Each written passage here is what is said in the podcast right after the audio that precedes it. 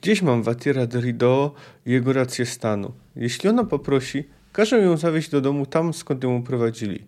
Każę ją tam zawieźć w złotej poszustnej karocy. Wystarczy, że poprosi. Prosi mnie o co chcesz, powtórzył. Dziękuję waszej cesarskiej mości, powiedziała dziewczyna spuszczając oczy. Wasza cesarska mość jest bardzo szlachetna i hojna. Jeśli mogę mieć prośbę, mów.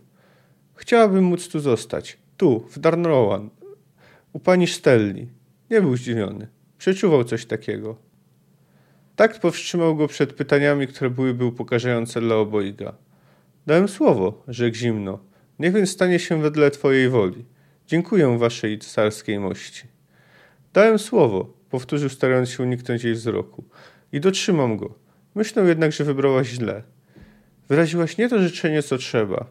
Gdybyś zmieniła zdanie... Nie zmienię, powiedziała, gdy jasnym się stało, że cesarz nie dokończy. Po co miałabym zmieniać? Wybrałam panią Stellę. Wybrałam rzeczy, których w życiu zaznałam tak mało. Dom, ciepło, dobroć, serce. Nie można popełnić błędu, y, wybierając coś takiego. Biedna, naiwna istotko, pomyślał cesarz Emer war Emreis, Deitwen Adan in Karp Alp Morwood. Wybierając coś takiego popełnia się najstraszliwsze pomyłki. Ale coś, może dalekie wspomnienie, powstrzymało cesarza przed tym, by powiedzieć to na głos.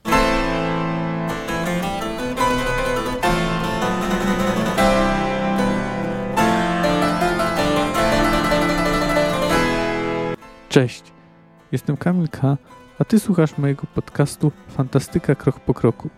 Analizuję w nim rozdział po rozdziale lub opowiadanie po opowiadaniu wybrane książki fantastyczne. Zapraszam.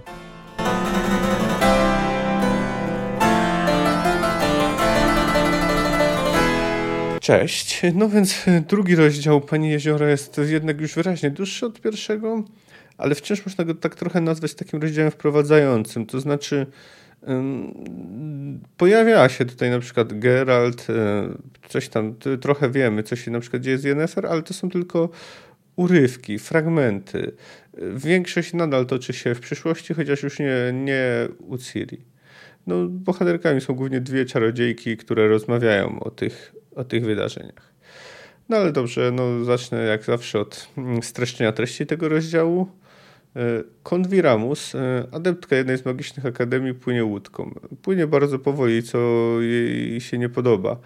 E, no ale siwy mężczyzna, który posługuje się wiosłami a, i porozumiewa się głównie za pomocą od, odburknięć i chrząknięć, nie ma zamiaru przyspieszyć, ponieważ próbuje złowić ryby.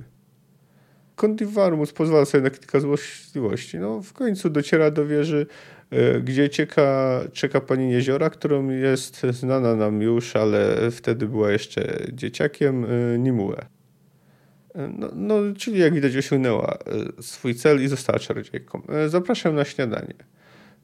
Podczas spożywania posiłku pokrótce opisuje ją wieżę, gdzie może wchodzić, a gdzie nie. No, bo na przykład tam są jej prywatne e, pomieszczenia. Następnie pyta się adeptki, czy wie dlaczego to ona została wybrana. Kondivarmus odpowiada szczerze, uznając, że szczerość jest w tej sytuacji najlepszym wyjściem, że jest najlepszą śniączką w Akademii, a także drugą wśród onej romantek. E, Nimue prezentuje jej potem różne obrazy. Wszystkie odnoszą się w jakiś sposób do historii Ciri i Geralta, a adeptka bezbłędnie identyfikuje.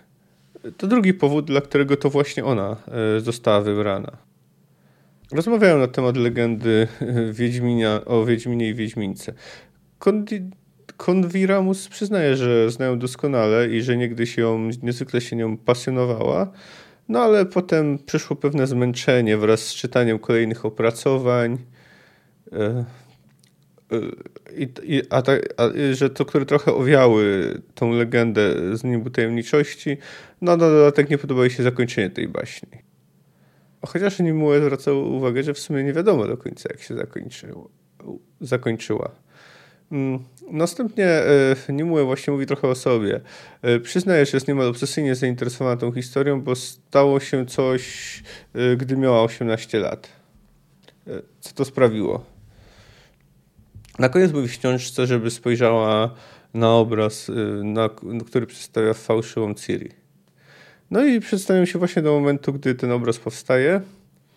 E, fałszywa księżniczka pozuje do portretu, a potem rozmawia w cztery oczy z cesarzem Emyrem. No, fragment tej konwersacji przytoczyłem na początku. Cesarz nie do końca sobie radzi, ma problem z panowaniem nad sobą, zachowywaniem się tak, jak cesarz powinien. To jej możliwość wyjazdu, ale ona chce zostać. No, następnie czarodziejki rozmawiają o tym i innych snach, jakie miała kont Viramus. Podczas kolejnej rozmowy Nimue zastanawia się, co Wiedźmin robił w Toussaint, bo żadna wersja nic do tego nie mówi, włącznie z Jaskrem. No tutaj y, patrzy na, patrzą na takie mal, malowidło, czyli to jest to malowidło, które namalował Elfa w Wallach. No i przeniosą się do Geralta i Regisa, którzy właśnie przy, przyszli na to miejsce, gdzie Wiedźmin spotkał się z Wallachem. No malowidło jest, ale Elfa ani na przykrzyjących się wcześniej Wiedźminowi potworów nie znajdują. No, decydują się zostać w Tusą. Geralt odnosi się do Regisa per druchu, y, a Regis się pyta, czy nie zastanawiał się nad rozwaleniem tego malowidła, no ale Wiedźmin mówi, że nie, nie zastanawiał się. Y, kolejny sen y, przedstawia Geralta prowadzącego rozmowę z czarodziejką o krótkich czarnych włosach. Ona trzyma nogi na jego ramionach i chyba najbliżej można ją nazwać flirtem. Jej imię, jej, czarodziejki nie wymieniają jej imienia, no ale to oczywiście Fringilla Vigo. Jeszcze Kondwiramus śni obrazki od Siri y, i taka myśl, która mówi, że nad, jakim, że nad tym jeziorem nie jest panią, a. Nie wiadomo o jakie jezioro chodzi. No my wiemy, że to chodzi o świata NL, ale to jeszcze nie zostało zdradzone na tym etapie. Następny cen dotyczy zamku, który jest kryjówką Wilgefortza. Chociaż no, czarodziejki nie wiedzą, który to jest konkretnie, ponieważ większość wersji podaje zamek Run, aczkolwiek taka jedna wersja zwana mm, Czarną Księgą Zelander podaje, że jest to zamek Stygga.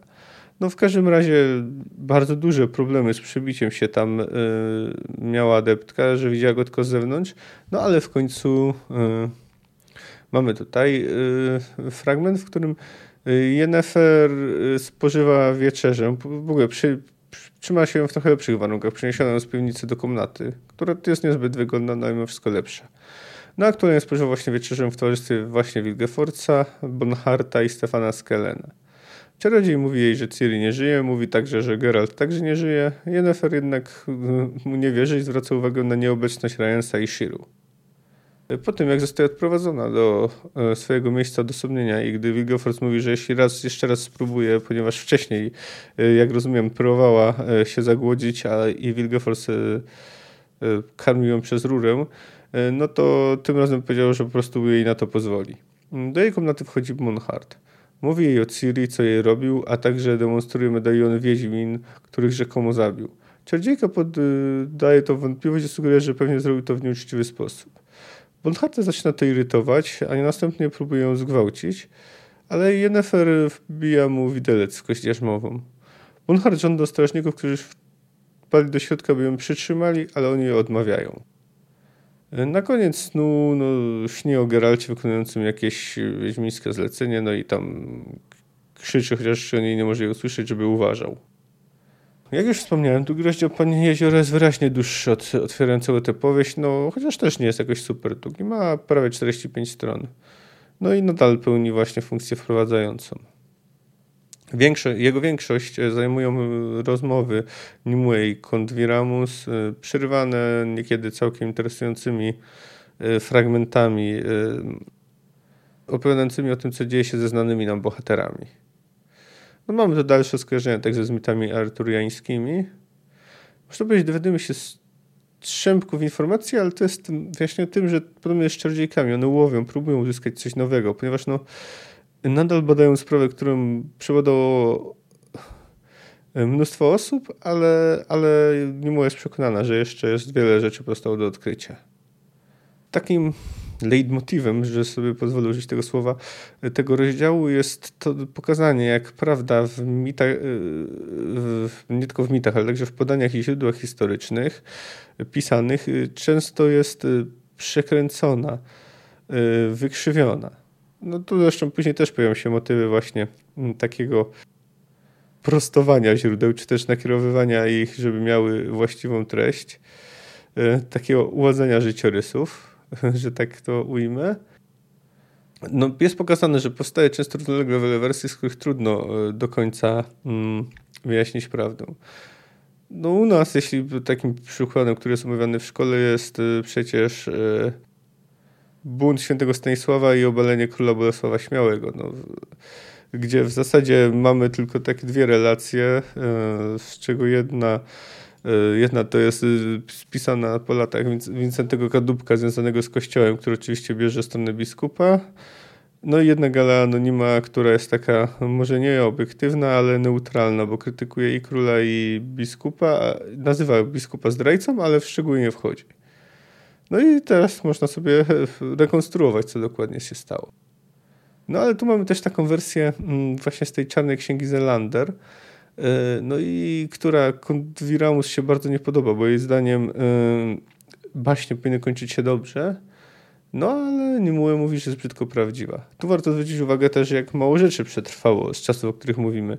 Przetrwały, autentycznie wiemy, że są tylko dwie portrety czarodziejek z loży, yy, czyli mm, Shii de Tenkerville i Margarity Lawantil, a przy okazji to dowiadujemy się, że był moment, gdy niszczono portrety czarodziejek. To znaczy, o ile wydaje się, że e, w obecnej sytuacji politycznej, znaczy obecnej dla Nimue Kondwiramu, z której nie znamy, E, że mm, czarodziejki cieszą się prestiżem, władzą i tak dalej, ale że był moment, gdy tego prestiżu nie miały, e, gdy magię uważano za wrogą. Nie przetrwał także żaden portret Ciri, co ciekawe. E, wszystko to wyobrażenia. Natomiast no natomiast mamy faktycznie fałszywą Ciri. No ale w ogóle tutaj, jak wspomniałem w ostatnim w ostatnim odcinku o tłumaczeniu Tomasza Bagińskiego, jak tutaj wytłumaczą, inna sprawa, że to chyba raczej bez sensu, zmiany aktora grającego Geralta, no to powołał się właśnie na początek Pani Jeziora. No i tutaj znowu mamy wskazane, że w sumie w ogóle nie wiadomo, jak to wszystko przebiega. Króciutki fragment. Konwiramus za nie mówiła na moment. Nie spodziewała się takiego pytania. Wietrzyła test, egzamin, pułapkę. Milczała, nie chcąc dać się złapać. Jak kończy się legenda o Ciri? Przecież każdy to wie. Patrzyła w ciemną w tonacji akwarelę przedstawiającą y, niekształtną barkę sunącą y, po powierzchni zasnutego oparami jeziora. Barkę popędzaną długą tyką przez kobietę widoczną tylko jako czarna sylwetka. Właśnie tak kończy się ta legenda. Właśnie tak. Nimułę czytała jej w myślach. To nie jest takie pewne, Kondwiramus. To wcale nie jest takie pewne. No, jak wiemy, mniej więcej tak właśnie skończyła się, no jak wiem, jeśli ktoś czytał, a zakładam, że jak już słuchacie tego odcinka, to czytaliście całość. Tak kończy się Pani Jeziora. To znaczy Ciri wkładają, wkłada na barkę Yennefer i, i Geralta, no i gdzieś, gdzieś z nimi odpływa. No oczywiście towarzyszy jej, yy, jej koń i, jed, i jednorożec. No oczywiście tu trzeba powstrzymać, że to zakończenie nie jest do końca jasne i wywołuje dość żywe dyskusje. E, no i w każdym razie no, tu, tu, tutaj mamy też takie podważenie tego w ogóle, że nie do końca wszystko wiemy. E, no zresztą to jest prawdą, bo taki nie nazwałbym może zakończenia Pani Jeziora otwartym, natomiast nie jest ono w pełni, w pełni zamknięte. No i tutaj jest jeszcze ten motyw, że chociaż nie mój Kondwiramus wiedzą o istnieniu fałszywej Ciri, to nie zdają sobie sprawy, przynajmniej adeptka tego nie wie, że Emir de facto nigdy nie zdobył oryginału. Czy też może aktywnie zrezygnował z jego zdobycia. Pozostawił Ciri. No to ciekawe w takim razie, jaka jest wersja oficjalna. Skoro, jeśli przyjmiemy, że Emir mógł mieć dzieci um, z tym, z fałszywą Ciri, bo to w zasadzie dlaczego nie?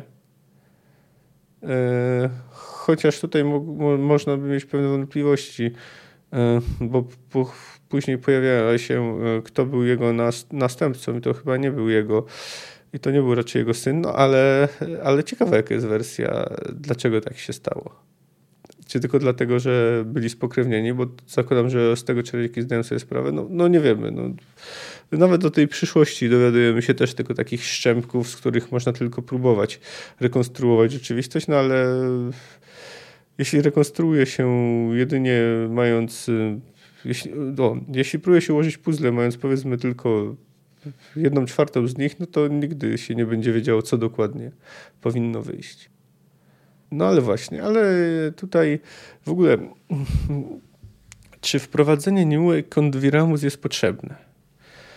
No bo nie da się ukryć, że w pewnym stopniu zaburza to bieg opowieści. Oczywiście coś podobnego już stało się w wieży jaskółki, gdzie był Wysokotaj Ciri, ale to jednak y, było jakby częścią opowieści. To znaczy działo się to w pewnym momencie, był to przeskok czasowy, no ale jednak y, tutaj Ciri było jakby w czasie rzeczywistym, to znaczy wciąż była ścigana i wciąż jej sprawa była nierozwiązana. Tutaj mamy, mamy tylko przyszłość. Mamy tylko to, co mamy, mamy tylko konwiramus i badają to, co dla nich jest już przeszłością i to chyba dość odległą. Chociaż z drugiej strony tutaj trzeba dodać, że zostaną wplecione e, do końca samej historii, więc to nie jest takie proste. No ale czy ten wątek jest potrzebny, czy jest niezbędny? No jasne, no mamy tutaj właśnie ten motyw tego, że, związany z tym, że Ciri jest władczynią czasu i przestrzeni. E, pozwala nam to poznać troszeczkę to, co działo się później i jak ta legenda jest odbierana. No i to jest właśnie ten motyw zmienionej historii, który się jeszcze będzie przejawiał. Ale czy ten zabieg był konieczny? No, wydaje się, że nie. Nie wniósł chyba wystarczająco dużo. Z drugiej strony skłamałbym, gdybym powiedział, że mi jakoś przeszkadza. Nie razi mnie specjalnie, więc uważam te fragmenty, są w porządku. Zwłaszcza, że uważam, że ten rozdział jest dość ciekawy. No i zresztą nawet ta scena między, rozgrywająca się między Kondwiramus i tym rybakiem, który tak nam gdzieś jest nazwany królem rybakiem, jest też dość taka e, zabawna. Znaczy wywołująca lekki uśmiech na twarzy, bo, oczywiście nie śmiech. E, no dobrze, no, naszym bohaterkom jeszcze poświęcę parę słów, tak już pod koniec rozdziału. No ale najpierw chciałbym się zająć postaciami, które już znamy. Mamy tu kilka interesujących fragmentów. E, zacznę od miejsce w Darnrowan. E, jest ona ciekawa przez powód tego, że cesarz Emir, którego oczywiście teraz też widzieliśmy dotychczas tylko chwilami, po raz pierwszy wykazuje brak zdecydowania, brak pewności siebie i takie można powiedzieć ludzkie uczucia, chociaż e, bo wtedy oczywiście odrzuca propozycję Watiera Derridoa, że powinien poślubić tą dziewczynę i później się ją zamieni na oryginał. No ale ale on jakoś nie czuje się dobrze, mając y, po prostu wykorzystać tę dziewczynę ją odrzucić. A no, musimy wiedzieć, że emeryt raczej nie jest y, człowiek, który specjalnie się waha przed robieniem czego się chce. Jest odpowiedzialny za rzeź Cintry, za wielkie zniszczenia wojenne, czyli odpowiada za śmierć no, przynajmniej tysięcy ludzi. Ale to ma problem, by skrzywdzić tą jedną dziewczynę. Y, no słyszeliście to już w tamtym fragmencie, że był gotowy pozwolić jej, jej odjechać, ale ona wybrała serce. No dobrze, a no to jeszcze jeden frag fragment, trochę wcześniejszy przytoczę. Czego ja chcę od tego dzieciaka? Pomyślał, czując jak złość zbiera w nim, jak wrze, jak pęcznieje pianą niby zupa w kotle. Czego ja chcę od dzieciaka, którego... Wiedz, że nie miałem nic wspólnego z twoim prowadzeniem, dziewczyno, powiedział ostro. Nie miałem nic wspólnego z twoim porwaniem. Nie wydałem takich rozkazów. Oszukano mnie. Był wściekły na siebie, świadom, że popełniał błąd. Należało już dawno zakończyć tę rozmowę, zakończyć ją wyniośle, władczo groźnie, po imperatorsku. Należało zapomnieć o tej dziewczynie, o jej zielonych oczach. Ta dziewczyna nie istniała. Była sobowtórem, imitacją. Nie miała nawet imienia. Była nikim. Imperator nie prosił o wybaczenie. Nie kaja się przed kimś, kto jest nikim. Wypacz mi, powiedział, a słowa były obce. Niemile kleiły się do warg. Popełniłem błąd. Tak, to prawda, jestem winny tego, co cię spotkało. Zawiniłem, ale daję ci moje słowo, nic ci nie grozi. Nie spotka cię już nic złego.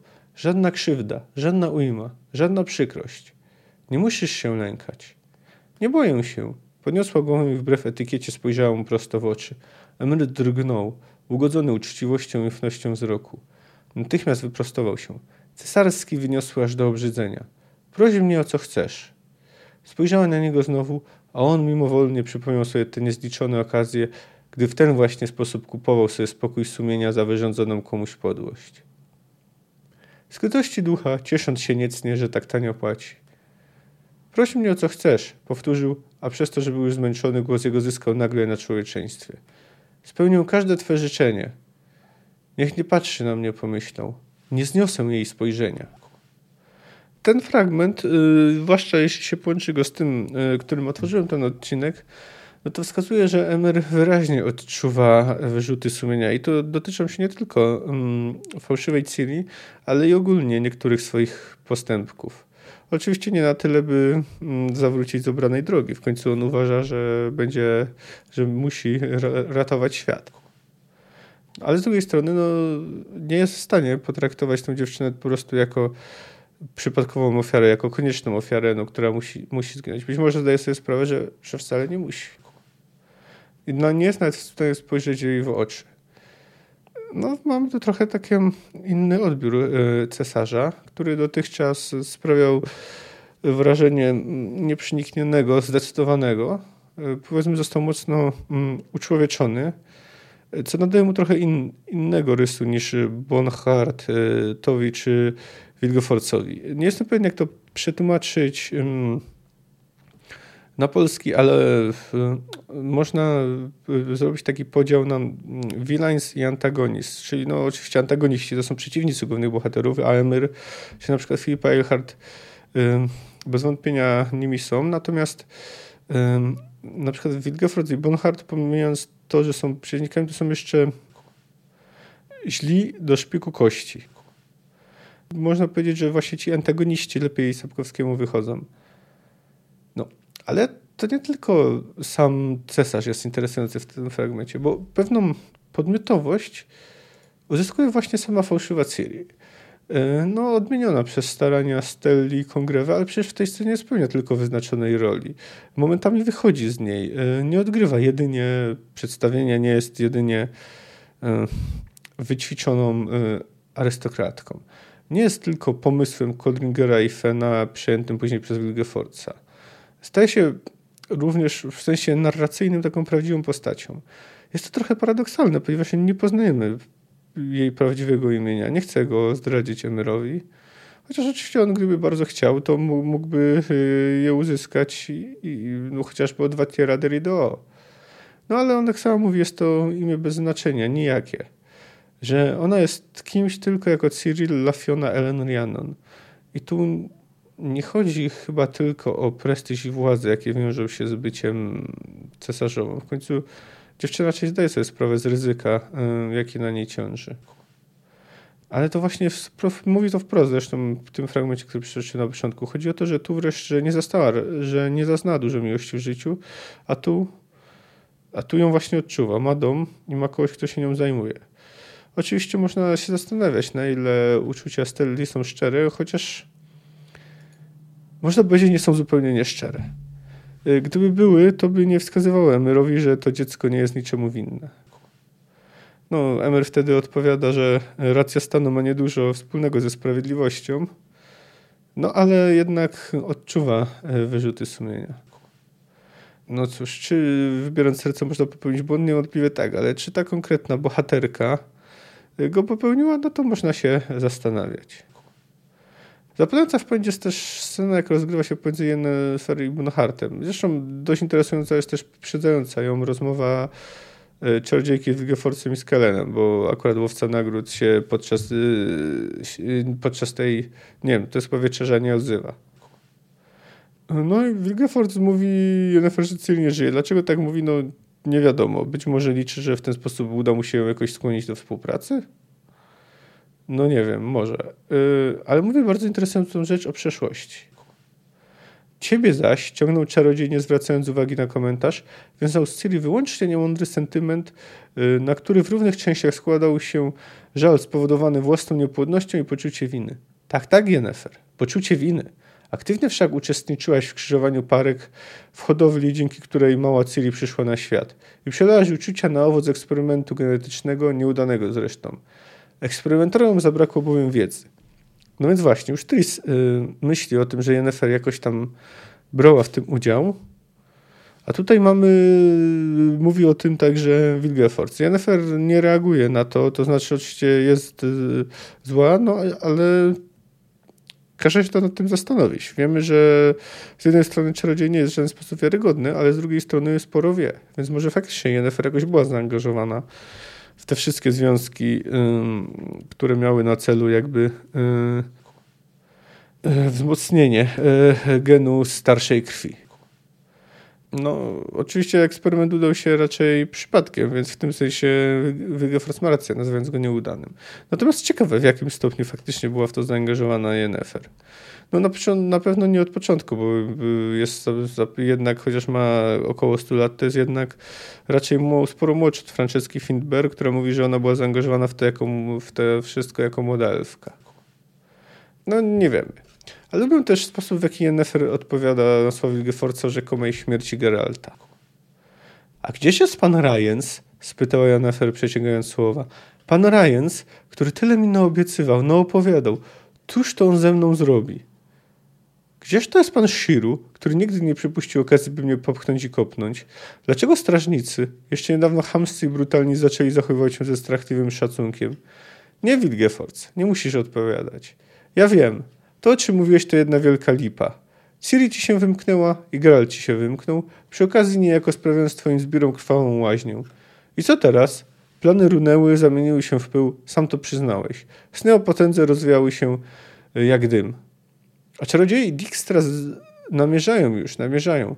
Nie bez kozery i nie z litości przestałeś mnie torturować i zmuszać do skanowania. A cesarz Emry zaciska sieć, ale jest zapewne bardzo, bardzo zły. No i właśnie, generalnie można, zapewne Yennefer ma generalnie rację. No i nie chodzi o to, że Geralt i Ciri żyją, bo to wiemy, ale mm, że Wilgefort y, przestał właśnie skanować, bo boi się, że to może naprowadzić kogoś na jego ślad. Wiemy, że Dijkstra odkrył już ki kilka kryjówek Wilgefortza. No a na dodatek y, zapewne nie zabił jej, bo liczy, że jednak jakoś uda mu się poprzez nią znaleźć Ciri. Może na przykład Ciri przybędzie jej na ratunek. No i tutaj warto zwrócić na jeszcze jedną twarz, taką nazwijmy ją estetyczną, ale wydaje mi się, że mającą jednak coś oznaczać. Wilgefors odwrócił ku niej twarz. Nie nosił już na głowie złotego rusztowania ani kryształowej soczewki w oczodole, ale wyglądał jeszcze okropniej niż wtedy. Latem, gdy zobaczyła go okalczonego po raz pierwszy. Regenerowana lewa gałka oczna była już sprawna, ale znacznie mniejsza od prawej. Widok zapierał dech. Czyli chociaż Wilgefort zaczyna mieć prawdziwe oko, ale no jednak wciąż nie, nie jest pełni zregenerowana jego gałka oczna, co będzie miało pewne znaczenie, to wygląda coraz gorzej, y, wygląda jeszcze gorzej. Można powiedzieć, że wraz z ujawnianiem się pełni jego potworności, mm, także wizualnie staje się coraz bardziej ostręczający, odrażający. No i mamy też tą wizytę Bonharta y, w celi Yennefer. No oczywiście tutaj warto, najpierw może zanim do tego przejdę jeszcze mm, opiszę warunki, w jakich się znajduje. Komnata, w której uwięziono, była zimna i surowa jak pustelnicza cela. Jennefer przypominała sobie jeden radosny dzień, kiedy przeniesiono ją tu z lochu. Z piwnicy, nad niektórej wiecznie stała kałuża śmierdzącej wody, a na ścianach wykwitały saletra i sól. Z piwnicy, gdzie karmiono ją ochłapami, które szczury bez wysiłku wyrywały jej z okaleczonych palców. Gdy po jakichś dwóch miesiącach rozkuto ją i wyciągnięto stamtąd, pozwolono przebrać i wykąpać, Jennefer nie posiadała się ze szczęścia. Komnatka, do której ją przyniesiono, wydawała się jej królewską sypialnią, a cieńka polewka, jaką jej przynoszono, zupą z jaskółczych gniazd, godną cesarskiego stołu. Jasna rzecz, po jakimś czasie polewka okazała się jednak pomyjowatą lurą, twarde wyrko twardym wyrkiem, a więzienie więzieniem. Zimnym, ciemnym więzieniem, w którym po czterech krokach trafiało się na ścianę. No jak więc widzimy, no nie jest trzymana w luksusowych warunkach, ale no, można nazwać je nieco, nieco bardziej znośnymi. Bernhard oczywiście szedł z wielu powodów, oczywiście jest sadystą, a mógł się trochę poznęcać, także z tego powodu, że Yennefer jest yy, związana z Ciri. No powiedział wprost oczywiście o swoich planach, że chciał z dziewczyny zrobić bestię, że w ten sposób będzie mógł ją kontrolować, trochę będzie takim wytresowanym psem wytresowanym do zabijania, trzymanym nożą, tu mamy wprost tą symbolikę, bo przecież zakładał Ciri obroże. No ale jeszcze ciekawszy dialog następuje w momencie, gdy Bonhart twierdzi, że zabił y, trzech Wiedźminów. Posłuchaj no Bonhart, czy jak ci tam. Nie rozśmieszaj mnie. Wiedźminowi to ty dopiętnie dorastasz. Równać się z nim nie możesz. Żadnej konkurencji. Jesteś, jak przyznałeś, rakarzem i hyclem, ale dobrym tylko na małe pieski. Na bardzo małe pieski. Popatrz no tu, wiedźmo. Gwałtownym ruchem rozchełstał kubrak i koszulę, wyciągnął, plącząc łańcuszki, trzy srebrne medaliony. Jeden miał kształt głowy kota, drugi orła lub gryfa, trzeciego nie widziała dokładnie, ale chyba był to wilk. Takich rzeczy, parsknęła znowu udając obojętność, pełno jest na jarmarkach. Te nie są z jarmarku. Co ty nie powiesz? Było raz tak, zasyczał Bonhart, że porządni ludzie bali się wiedźminów bardziej niż potworów. Potwory bądź co bądź siedziały w lasach i komyszach, wiedźmini zaś mieli czelność kręcić się koło świątyń, urzędów, szkół i placów zabaw. Porządni słusznie uznali to za skandal. Poszukali więc kogoś, kto mógłby zrobić z bezczelnymi wiedźminami porządek. I znaleźli kogoś takiego. Nie łacno, nie prędko, nie blisko, ale znaleźli. Jak widzisz, zaliczyłem trzech. Ani jeden odmieniec więcej nie pojawił się w okolicy, nie drażnił poczciwych obywateli swoim widokiem. A gdyby się pojawił, to załatwiłbym go tak samo jak poprzednich. We śnie, wykrzywa się Jennefer, z kuszy, z zawęgła, czy może podawszy truciznę?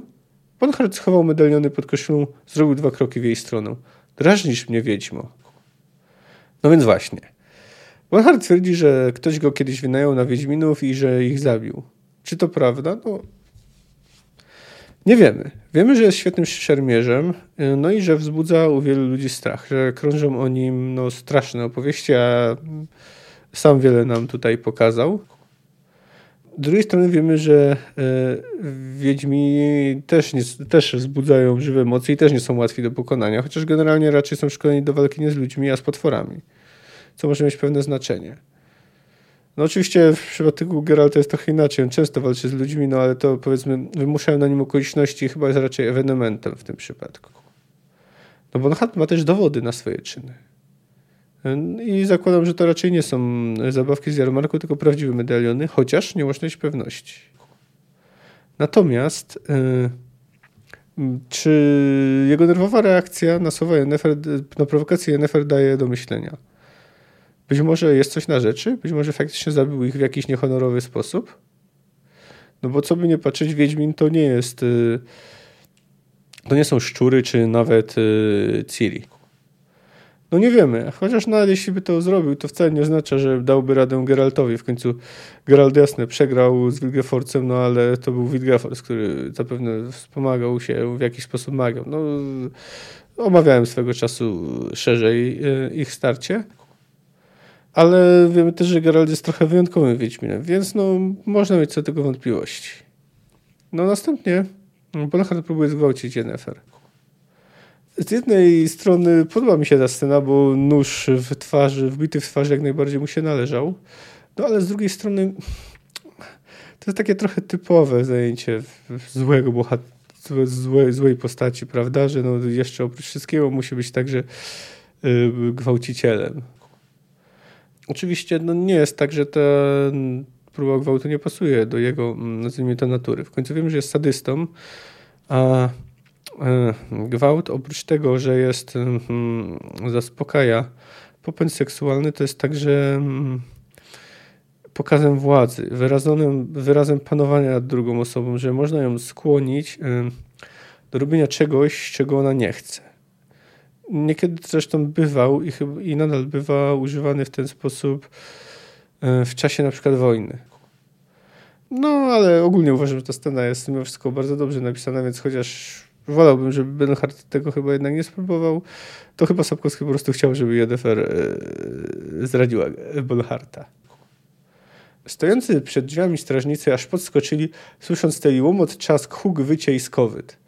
A gdyby strażnikom zdarzyło się kiedykolwiek wcześniej w życiu słyszeć wrzak złowionej w paść pantery, to przysięgliby, że w celi jest właśnie pantera. Potem z celi dobiegł strażników straszny ryk. Wypisz wymaluj zranionego lwa, którego zresztą strażnicy nigdy nie słyszeli również, oglądali tylko na tarczach herbowych. Popatrzyli po sobie, pokiwali głowami, potem wpadli do środka. Jennefer siedziała w kącie komnaty wśród resztek wyrka. Włosy miała rozburzone, suknię i koszulę rozdartą od góry do samego dołu. Jej małe dziewczęce piersi unosiły się ostro w rytm ciężkich oddechów. Z nosa ciekła jej krew, na twarzy szybko rosła opuchlizna, wybierały też pręgi od paznokci na prawym ramieniu. Bonhart siedział w drugim końcu izby, wśród złomków zydla, obrącz trzymając się za krocze. Jemu krew ciekła z nosa, barwiąc siwe wąsy na kolor głębokiego karminu. Twarz miał poprzekreślaną krwawymi drapnięciami. Ledwo zagojone palce Jennefer były nędzną bronią, ale krótki bransolec z Dwimerytu miały wspaniałe, ostre krawędzie. puchnącym policzku Monharta, równiutko w kości jarzmowej, wbity bardzo głęboko obydwoma zębami, tkwił widelec, który Jennifer zwędziła ze stołu podczas wieczerzy. Tylko małe pieski, ty hyclu, wydyszała czarodziejka, próbując zasłonić biust resztkami sukni. Od suszek trzymaj się na odległość. Za słaby jesteś na nie, pentaku. Nie mogła sobie darować, że nie trafiła tam, gdzie mierzyła. W oko. Ale cóż, cel był ruchomy, a poza tym nikt nie jest doskonały. Bonhard ryknął, wstał, wyrwał widelec, zawył i aż zatoczył się z bólu. Zaklął chydnie. Do celi zajrzało już tymczasem następnych dwóch strażników. Hej wy! Zaryczał Bonhard, ścierając krew z twarzy. Sami tu. Wyciągnąć mi tę gamratkę na środek podłogi, rozkrzyżować i przytrzymać. Strażnicy patrzyli po sobie. A potem na sufit. Lepiej idźcie stąd sobie, panie, powiedział jeden. Nie będzie się tu ani krzyżować, ani trzymać. My tego nie mamy w obowiązkach. A kromie tego, mruknął drugi, nie mamy zamiaru kończyć jak Rajens albo Shiru. No tutaj swoją drogą mamy potwierdzenie y, tezy Jennefer o tym, y, co się stało z panami Ryensem i Shiru, co zresztą y, wiemy. No ale widzimy, że sprawiło to, że w tym momencie boją się generalnie Geralta i Ciri bardziej niż Bonharta. No robi to w pewien sposób wrażenie. Ogólnie ta scena jest bardzo fajnie napisana. Na przykład bardzo podoba mi się ten fragment o tym, że gdyby strażnicy wiedzieli, jak brzmi Pantera, to stwierdziliby, że to pewnie właśnie Pantera przebywa w celi. To takie... To jest takie, no, że sobie pozwolę na użycie neologizmu sapkowskie. No mamy tu też e, fragment e, tego, co zachodzi między Fringillą, Vigo a Geraltem. Bez kontekstu mówi on nam trochę mało. No Trudno się czepiać Geralta, że pozwolił sobie na chwilę zapomnienia mm, z inną czarodziejką. W końcu jest przekonany, że to Yennefer go zdradziła, nawet podejrzewa, że Ciri może nie żyć. Chociaż nie chce w to wierzyć. No, trochę dziwne jest to kłamstwo, gdy mówi, że była jego pierwszą, ale może to wskazuje na to, że gdy przebywał w tym dziwnym księstwie tu są, to chciał właśnie o wszystkim zapomnieć, odciąć się od, choć na chwilę od przeszłości. No dobrze, tak jak obiecałem, teraz czas wrócić do Nimue i Konviramus. No ich imiona to jest bardzo czytelne nawet z mitów arturiańskich. Nimue to jest jedno z imion, jakim określona jest e, Pani Jeziora w legendach arturiańskich, o której trochę powiedziałem w poprzednim odcinku. E, no tu zresztą Nimue jest na tak dosłownie Panią Jeziora, ponieważ mieszka w wieży nad właśnie jeziorem. No i jest tu też, prawda, król, król rybak, o którym też mówiłem w poprzednim odcinku i to widać znowu, że Sapkowski wprost zapożyczył, bo na jest jeszcze mm, ranny w nogę. Y, tak samo jak, jak ten poprzedni. Znaczy, no jak król rybak w oryginalnych legendach, no bo jak pamiętacie, nie uleczono go, gdy była na to okazja. No a co do Konwiramus, to postać o tym imieniu występuje w XIII-wiecznym romanie rycerskim zatytułowanym Parsival, gdzie właśnie ten zmiankowany Parsival ratuje królową takim imieniu. Następnie zostaje ona jego żoną i inspiracją i ma z nią dzieci. Czyli on w przeciwieństwie do Galahada nie jest yy, no, rycerz prawiczek to chyba nie jest ładne określenie. To chyba nie jest ładne określenie, tak głupio brzmi. No w każdym razie no, on powiedzmy zaznał, yy, przespał się z kobietą. A naduprawiał z nią seks, bo to przecież się przespać to jest, to jest jedna rzecz.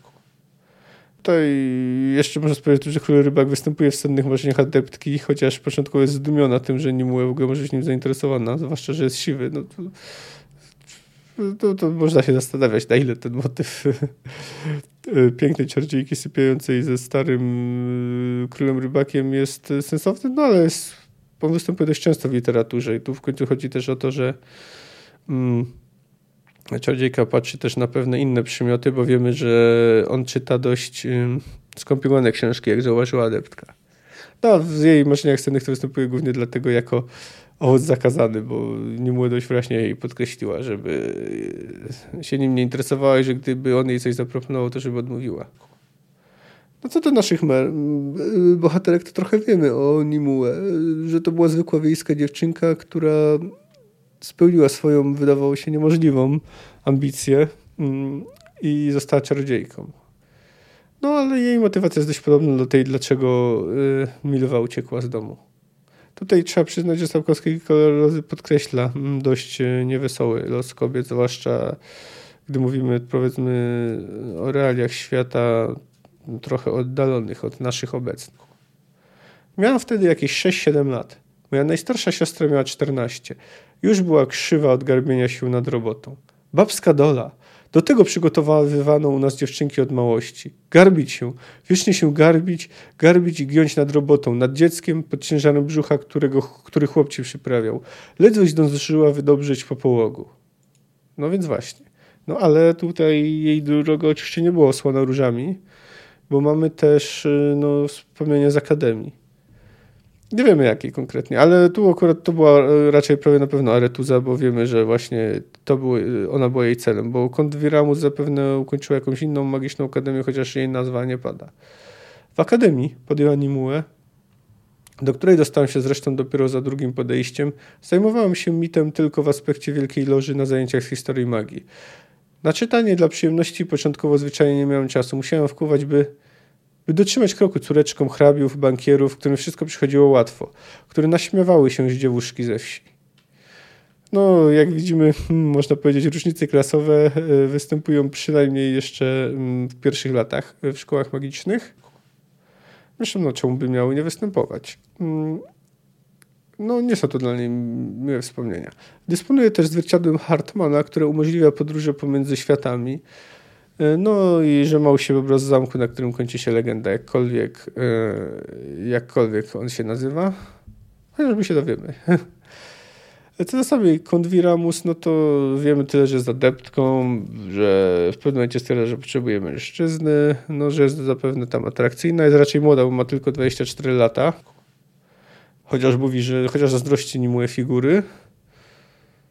Mm, no niemniej, co ma zdać sprawę z tego, że ona też jest atrakcyjna.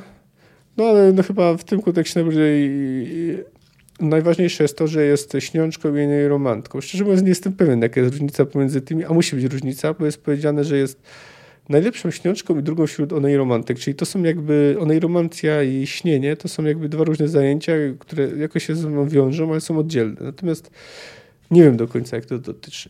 Onej romancja no, występuje w naszym świecie, znaczy no i chociaż no, oczywiście co do jej skuteczności można mieć daleko posunięte wątpliwości, no ale ono, no ale ono dotyczy wróżenia z przyszłości, więc może jest tak, że śnienie to jest ogólne, sny, wizje i tak dalej, a oneiromancja wprost dotyczy przewidywania, ale szczerze mówiąc nie jestem pewien tego wytłumaczenia. Sprawdziłem nawet jeśli znalazłem odpowiednią wersję angielskiego tłumaczenia, to tam po prostu jest tylko wspomniane, że jest druga wśród romantyk. Prawdopodobnie tłumacz nie chciał wprowadzać yy, zamieszania. No ale o samym śnie dowiadujemy się interesujących rzeczy. Interesujące, powiedziała Nimue, wysłuchawszy relacji. Rzeczywiście interesujący sen. Były jakieś inne? Ba, konwira mu z szybkim i pewnym uderzeniem noża ścięła czubek jajka. Wciąż jeszcze w głowie mi się kręci od tej rewi. Ale to normalne. Pierwsza noc zawsze przynosi szaleńcze sny. Wieżni mułe mówią o nas śniączkach, że nasz talent nie na tym polega, że śnimy. Jeżeli pominąć wizję w transie czy pod hipnozą, nasze marzenia senne nie różnią się od snów innych ludzi ani intensywnością, ani bogactwem, ani ładunkiem prekognicyjnym. No, czyli tutaj widzimy, że no, nie są jakieś wyjątkowe w tym, w tym względzie, tylko e, zaraz nam wytłumaczy Konwiramus, z czym się różnią. Nas wyróżnia i o naszym talencie przesądza coś zupełnie innego. My pamiętamy sny. Rzadko kiedy zapominamy, co nam się śniło. To lekka przesada, oczywiście zaraz dowiemy. Macie nietypową i tylko wam właściwą pracę gruczołów dokrewnych, ucięła pani jeziora. Wasze sny to, trywializując nieco, nic innego jak wydzielone do organizmy endorfiny.